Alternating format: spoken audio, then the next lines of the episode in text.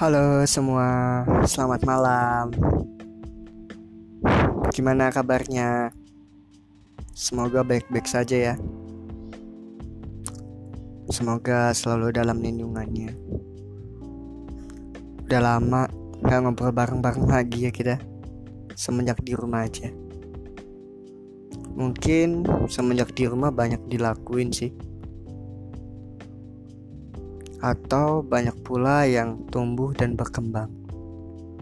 Ada pula yang patah di jalan. Manusia emang seperti itu, banyak maunya,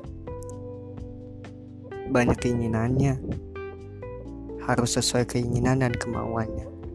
Kalau enggak, ia bakal berontak, berontak sesuka hatinya. Jadi malam ini aku membacain puisi ini puisinya kebetulan ada di kertas putih. Di saku tasku ada kertas ketemukan ini. Jadi ku bacakan buat teman-teman semua. Teruntuk yang patah. Dulu tak pernah berpikir kita sedekat ini.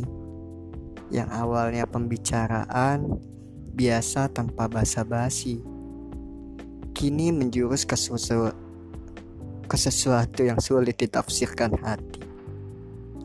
Analogika aku berdebak bahwa jarak harus tetap mengikat.